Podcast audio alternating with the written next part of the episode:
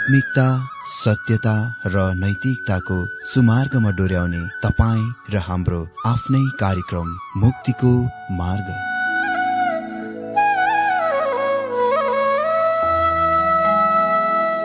आदरणीय श्रोता यस मुक्तिको मार्ग कार्यक्रममा हार्दिक स्वागत छ। आशा छ यस आत्मिक कार्यक्रमद्वारा जीवनमा आत्मिक आशिष अलौकिक शान्ति र आनन्द प्राप्त गर्नुहुनेछ। र जीवनमा धन्य अनुभव गर्नुहुनेछ। आउनुहोस् श्रोता। मन र आत्माको तयारीको लागि यो मिठो अनि मधुर भजन गीत सुनौ।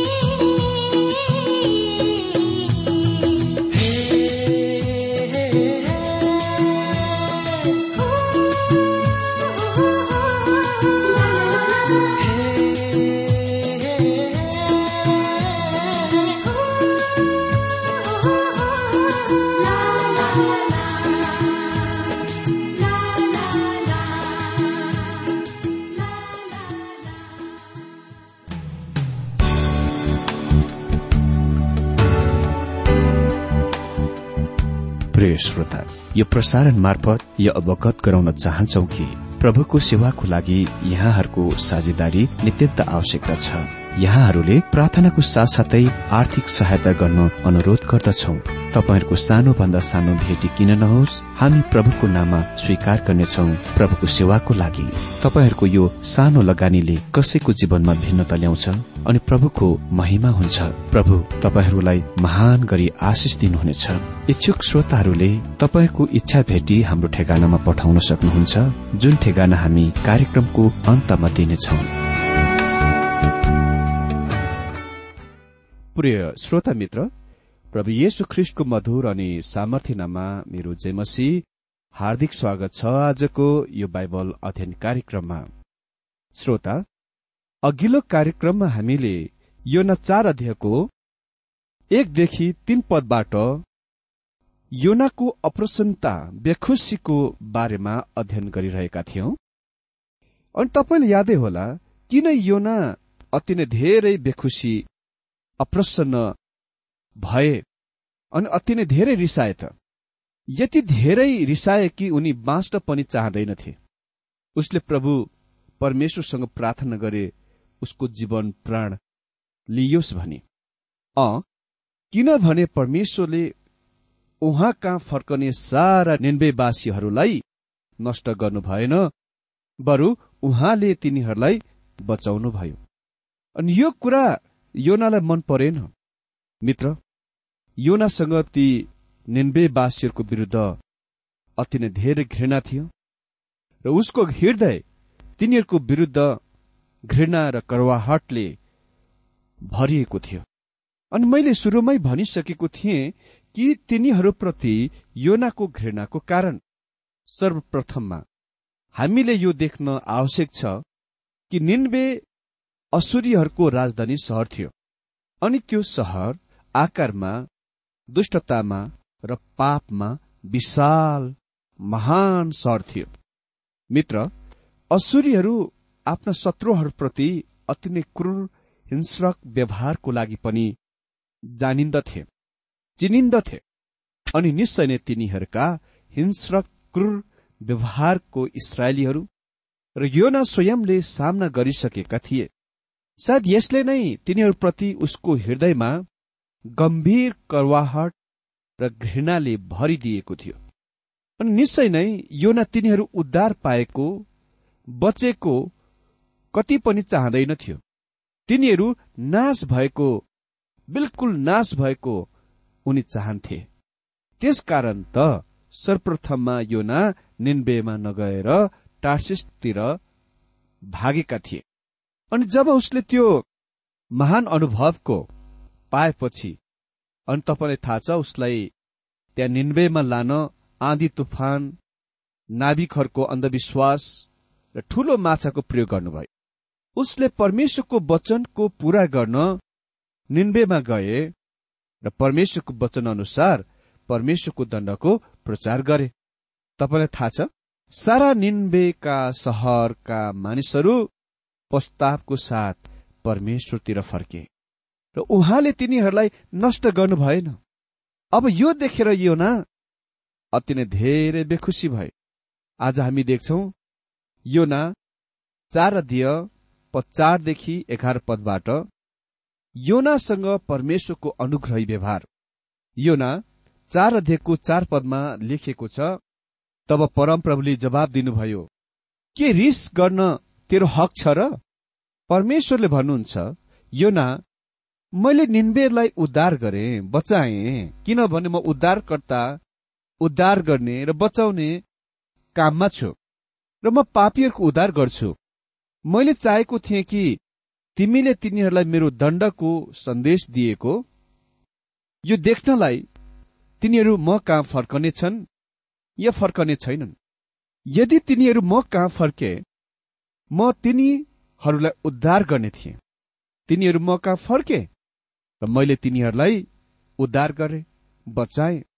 मित्र यदि यहाँ पृथ्वीमा एकजना पापी परमेश्वरतिर परमेश्वर कहाँ फर्के स्वर्गीयमा आनन्द हर्ष हुन्छ भने त्यस स्वर्गीयमा अति नै धेरै आनन्द हर्ष भएथ्यो जब निन्बेका सारा मानिसहरू परमेश्वर कहाँ फर्के। परमेश्वरले योनालाई सोध्नुहुन्छ के तिमी यस कुरामा बेखुसी अप्रसन्न छौ कि मैले यी निन्बेवासीहरूलाई बचाएँ भनेर? योना क्रोधित भएका छन् रिसाएका छन् र हटी भएर रिसले फुलेर खस्रे भ्याङ्कुता जस्तो फुलेर बसिरहेका छन्। अहिले यो कुराको ध्यान दिनुहोस् उसले के गर्दछन् त पाँच पदमा लेखिएको छ। तब योना सहरबाट निस्केर त्यस सहरका पूर्वपट्टिको एउटा ठाउँमा गएर बसे। तिनले त्यहाँ एउटा छाप्रो बनाए। र त्यस सहरलाई के हुँदो रहेछ सो हेर्नलाई त्यसको छायामा बसे। तब योना सहरबाट निस्केर त्यस सहरको पूर्वपट्टि गएर बसे। त्यस सहरको पूर्वपट्टि चाहिँ पछाडि माथि उचाइमा शिखरमा स्थित थियो। योना अति नै असल स्थानमा गए जहाँबाट उसले पूरा सहरलाई राम्ररी देख्न सक्थे। किन? किनभने उसले निन्बेवासीहरूलाई विश्वास गर्दैनथे। भरोसा गर्दैनथे। उसले सोचे तिनीहरू फेरि आफ्ना अघिको पाप कर्म दुष्ट कर्मतिर फर्किजानेछन्। र यदि तिनीहरू अघिको खराब चाल चलनमा फर्की गए उसले जान्दथ्यो कि परमेश्वरले तिनीहरूलाई नष्ट गर्नुहुने थियो दण्डित गर्नुहुने थियो। किनभने परमेश्वर कहिले परिवर्तन हुनुहुन्न? यो नै त्यस पछाडि स्थानको शिखरमा टुप्पोमा चुचुरोमा भएको चाहन्थे यदि दण्डको आगो त्यस खसे। त्यस प्रकारको मानिससँग यहाँ हामी व्यवहार गरिरहेका छौं र उसले नै परमेश्वरको सन्देश ल्याएका थिए। भनिएको छ अनि तिनले त्यहाँ एउटा छाप्रो बनाए र त्यस सहरलाई के हुँदो रहेछ सो हेर्नलाई त्यसको मुनि छायामा बसे।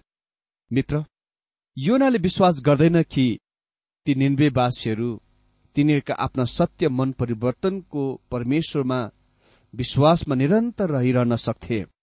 उनी त्यस पहाड़को टुप्पोमा चुचुरोमा सानो झुप्रो बनाएर बसेका छन्। र त्यहाँबाट परमेश्वरको दण्डको आगो त्यस सहरमा खसेको हेर्न पर्खिरहेका छन्। परमेश्वर अहिले यस मानिस योनासँग व्यवहार गर्न गइरहनु भएको छ र उहाँले व्यक्तिगत रूपमा यस मानिससँग व्यवहार गर्न गइरहनु भएको छ। हामीसँग त्यस प्रश्नको उत्तर छ जुनको प्राय गरी पटक पटक सोधिन्छ प्रश्न गरिन्दछ तपाईँले सबै मानिसहरू कहाँ परमेश्वरको वचन ल्याउन सक्नुभन्दा पहिले तपाईँले ती मानिसहरूलाई प्रेम गर्नुपर्छ? तिनीहरू कहाँ मिसनेरीको रूपमा तपाईँ जानुभन्दा पहिले तपाईँले त्यसका मानिसहरूलाई प्रेम गर्नुपर्दछ त? यो नै यस खास विशेष विषयमा एक उदाहरण हुन सक्छन्। किनकि एउटा कुरा निश्चय छ योनाले निन्वेवासीहरूलाई प्रेम गर्दैनथे अनि छ पदमा लेखिएको छ तब परमप्रभु परमेश्वरले एउटा लौका उमार्नुभयो र योनाको शिरमा त्यो छाया होस् र तिनको दुःख हरण होस् भनेर त्यसलाई बढाउनुभयो यसैले लौकाको कारण योना अत्यन्तै खुसी भए। परमप्रभु परमेश्वरले एउटा लौकाको कुनै कुनै अनुवादमा कुभिन्डो लेखिएको छ जे होस् रुख तयार गर्नुभयो। यो लौका वा कुभिन्डोको उही तरिकामा तयार गरिएको थियो जस्तो कि विराट माछा त्यो समुद्रमा तयार गरिएको थियो। यदि तपाईँ त्यस योनालाई निल्ने माछाको विश्वास गर्नुहुन्न भने तपाईँले त्यहाँ उम्रेको लौका वा कुभिन्डोको पनि विश्वास गर्नु पर्दैन। म त्यस कुभिन्डो वा लौकामा विश्वास गर्छु र म माछामा पनि विश्वास गर्छु कि त्यो घटेकै हो र त्यो भएकै हो। भनेको छ र योनाको शिरमा त्यो छाया होस् र तिनको दुःख हरण होस् भनेर त्यसलाई बढाउनु भयो यसैले कुभिन्डोको वा लौकाको बोटले गर्दा योना अत्यन्तै खुसी भए। योनालाई अन्तिममा यो सानो लौकाको बोट कुभिन्डोको बोट त्यहाँ उमारिदिनु भएर हर्षित बनाइएको छ खुसी बनाइएको छ।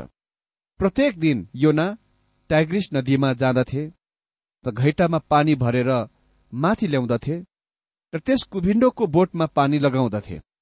त्यस सुक्खा जग्गामा त्यो कुभिन्डोको बोट बढ़िरहेको थियो। अति नै राम्रो हराभरा भएर बढ़िरहेको थियो। उनी त्यसको छायामा बस्थे र उनी त्यससँग अति नै धेरै लगाउमा थिए। त्यससँग मित्रताको सम्बन्धमा उनी अति नै धेरै बाँधिएका थिए। यदि हामी मानव स्वभावको बारेमा केही कुरा अध्ययन गर्दछौ भने हामी योनालाई अलिक केही राम्ररी बुझ्न सक्छौ। यो कुराको देख्न आश्चर्यको कुरा हो कि कसरी मानिस अन्य मानिसहरूमा नभएर धेरै जीवित कुराहरूतिर लगाव राख्दछन् विशेष गरेर यदि तिनीहरू एक्लो छन् भने। यदि तिनीहरूसँग प्रेम गर्नलाई कुनै व्यक्ति छैन भने तिनीहरूसँग कुकुर वा बिरालो वा विभिन्न प्रकारको बोर्ड बिरुवा र फूलहरू हुनेछ जुनसँग तिनीहरूको अति नै धेरै लगाव हुन्छ। एक प्रकारले त्यो तिनीहरूको जीवनको एक अंश भएको हुन्छ। त्यो तिनीहरूको जीवनको घनिष्ठ मित्र भएको छ। अमित्र योनासँग कुनै मित्रहरू त्यहाँ थिएनन्। उसले निन्वेवासीहरूलाई मन पराउँदैनन्। त्यस सहरमा एकजना मानिस पनि छैन जसको घरमा उनी भेटकाटको निम्ति जान मन पराउँछन्। उनी बिल्कुल एक्लो छन् र यस समयमा परमेश्वरसँग संगतिबाट उनी बाहिर छन् अलग छन्। त्यसकारण परमेश्वरले उसलाई कुभिन्डोको बोटसँग अति नै धेरै घनिष्ठताको लगाव हुन अनुमति दिनुहुन्छ। म कल्पना गर्दछु प्रत्येक साँझ योनाले टाइग्रिस नदीबाट पानी घैटोमा ल्याएर त्यस कुभिन्डोको रूखमा हाल्दै भन्थे सानो कुभिन्डो वा लौकाको बोट आजको लागि मैले तिम्रो पानी ल्याएको छु। बस आज यति नै। ल अर्को दिन फेरि ल्याइदिनेछु नि त। के तपाईँ त्यो कल्पना गर्न सक्नुहुन्छ? हजुर। मानिसहरू त्यस तरिकामा पनि कुकुरहरूसँग लगाउ राख्न सक्छन्। एक साँझ काठमाडौँको एक ठूलो पार्कमा मेरो छोरीलाई लिएर टहल्न गएको थिएँ र हामी दुवैजना त्यहाँका विभिन्न प्रकारका फूलहरू हेर्दै आनन्द लिइरहेका थियौं। त्यहाँ सधैँ धेरै मानिसहरू आउने गर्दछन्। अ एक कुनामा मैले एउटा स्त्री अति नै मिठो प्रेमिलो र मधुर दयालु तरिकामा कुरा गरिरहेको सुन्न सके। तर हामीले त्यस स्त्रीलाई देख्न सकेनौ किनभने त्यहाँ अग्ला अग्ला ठूल्ठूला रूखहरू फूलहरूका झाडीहरू थिए। मैले आफ्नो जीवनमा त्यस्तो मिठो मधुर दया करुणाले भरेको कुरा कहिले सुनेको थिइनँ।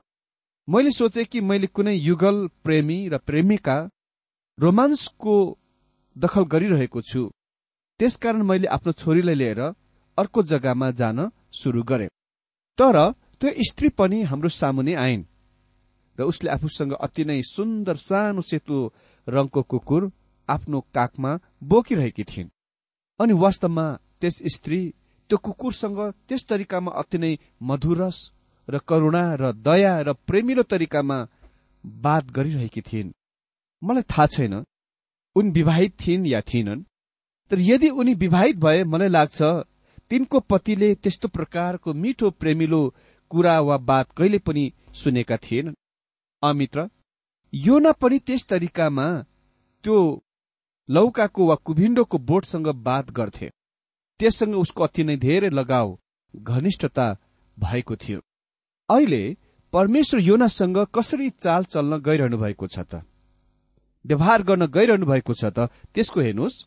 सात पदमा लेखिएको छ तर भोलिपल्ट बिहान उज्यालो हुँदा परमेश्वरले एउटा किरालाई खटाउनु भयो र त्यसले त्यस किरालाई त्यस लौकाको बोटलाई त्यो कुभिन्डोको बोटलाई खाइदियो र त्यो ओइलै हाल्यो। भनिएको छ तर परमेश्वरले एउटा किरालाई खटाउनु भयो यो किरा उसलाई निल्ने त्यो विराट भयानक माछा जस्तै आश्चर्यजनक चमत्कारी कुरा थियो। र त्यस किराले त्यस बोटलाई काटिदियो। यो किराले त्यो बोटलाई जराबाट काटिदियो किनभने किराहरू कुभिन्डो वा लौकाको बोटहरूसँग कति पनि प्रेम गर्दैनन्। त्यससँग प्रेममा लगावमा डुब्दैनन्। बर तिनीहरू त्यसको खान मन पराउँछन्। अनि आठ पदमा लेखिएको छ सूर्य उदयपछि परमेश्वरले पूर्वदेखि पोल्ने बतास चलाइदिनुभयो। यतिसम्म कि घाम टन्टालपुरसित योनाको टाउकोमा पर्यो र तिनी मुर्छा परे र मर्ने इच्छा गरेर भने मेरो निम्ति बाँच्नु भन्दा त मर्नु नै असल छ। यहाँ फेरि योना मरे त हुने थियो भनी कामना गर्दछन् तर यसले उसलाई अलिकति पनि फाइदा गर्दैन नौ पदमा तर परमेश्वरले योनालाई भन्नुभयो कि लौकाको कारण रिसाउनु तेरो हक छ? तिनले भने मेरो हक छ। म मरुन्जेलसम्म रिसाउँछु। योना भन्दछन् मसँग भएको खालि एउटै कुरा यो बोट मात्र थियो। जुन यहाँ तपाईँले मलाई दिनुभएको थियो जुनसँग मेरो एक्लोपनामा अति नै ठूलो सहारा र मित्र जस्तै थियो त्यो मेरो जीवनको एक अंश थियो। यससँग मात्र मेरो खास लगाव थियो। अहिले किराले यस बोटलाई काट्यो र यहाँ म एक्लै छु। त्यसकारण म रिसाउँछु नि। यो मेरो हक छ नि भन्छन्। अन्तस पदमा तर परमप्रभुले भन्नुभयो तैले नस्याहारेको अथवा नउमारेको यस लौकाको लागि यति चिन्तित भइस एकै रातमा बढ्यो र एकै रातमा नष्ट पनि भयो। परमेश्वरले योनालाई भन्नुहुन्छ योना त्यो कुभिन्डो बोट केही कुरो होइन।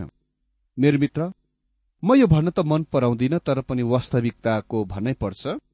मानिस अति नै धेरै लगाउ राख्ने बोट बिरुवा फूल केही कुरा पनि होइन। सानो पाल्तु बिरालो केही कुरो होइन। सुन्दर कुकुरहरू केही कुरा होइन। तर मानव जातिसँग आत्मा छ जुन यति स्वर्गीयमा या त स्वर्गीयमा जान्छ या नर्कमा जानेछ। परमेश्वरले गुमेका निन्दित मानिस कहाँ जानुभन्दा पहिले तिनीहरूलाई प्रेम गर्नुहोस् भनी भन्नु भएन उहाँले भन्नुभयो म ती पापमा गुमेका निन्दित मानिसहरूलाई प्रेम गर्दछु र म चाहन्छु कि मेरो सन्देश लिएर तिमी तिनीहरू कहाँ गएको? पापीहरूलाई उद्धार गर्ने र बचाउने मेरो काम हो। त्यो नै उहाँले योनालाई भनिरहेका छन्। योना म निन्वेवासीहरूलाई प्रेम गर्दछु। अनि एघार पदमा लेखिएको छ तर निन्वे शहरमा एक लाख बीस हजार भन्दा बढ्ता मानिसहरू छन् जसले दाहिने र देब्रे हातै चिन्न सक्दैनन् र त्यसमा धेरै गाई वस्तुहरू पनि छन्। के मैले त्यस ठूलो सरको निम्ति फिक्री नगरौं? परमेश्वर भन्नुहुन्छ मैले नै त्यो सरलाई बचाए बाँकी राखे जोगाए। परमेश्वरको तात्पर्य के हो? जब उहाँले यो भन्नुभयो जसमा एक लाख बीस हजार भन्दा बढ्ता मानिसहरू छन् जसले दाइने देब्रे हातै चिन्न सक्दैनन् अ उहाँको मतलब बाल बच्चाहरू हुन्। यो न तब म कसरी त्यस सहरलाई नष्ट गरौं जो म कहाँ फर्किआएका छन्?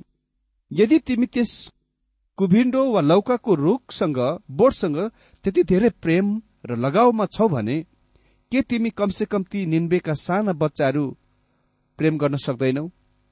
के तिमीहरूमाथि के तिनीहरूमाथि दया करुणा जागेर आउँदैन? अर्को शब्दमा परमेश्वर भनिरहनु भएको छ यदि तिमी त्यो कुभिन्डो वा लौकाको बोटसँग जुन तिमीले उमारेको होइनौ त्यससँग त्यति धेरै प्रेम र लगाउमा हुन्छौ भने मैले सृष्टि गरेको तर पापमा र दुष्टतामा हुने मानिसहरू जो अहिले म कहाँ पश्चाताप र विश्वासमा आएका छन् के मैले तिनीहरूलाई प्रेम नगर्नु? के मैले तिनीहरूलाई प्रेम गरेर नबचाउनु?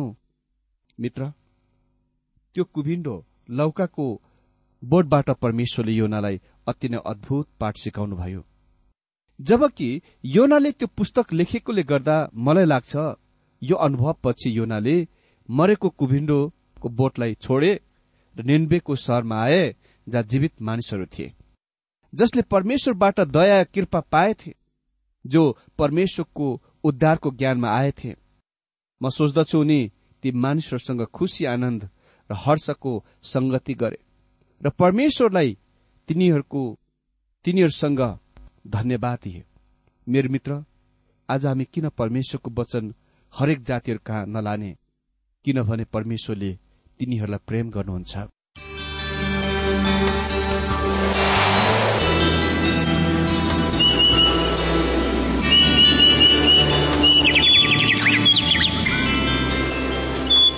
प्रिय श्रोता अहिले भर्खरै तपाईँले टीडब्ल्यूआर नेपालद्वारा सञ्चालित आत्मिक कार्यक्रम मुक्तिको मार्ग सुनिरहनु भएको थियो। श्रोता आजको यो कार्यक्रम सुनेर तपाईँलाई कस्तो लाग्यो? यदि यो कार्यक्रम सुनेर मनमा कुनै खुल्दुली वा कुनै प्रतिक्रिया अर्थात सुझावहरू छन् भने हामीलाई पत्रद्वारा लेख्न सक्नुहुनेछ।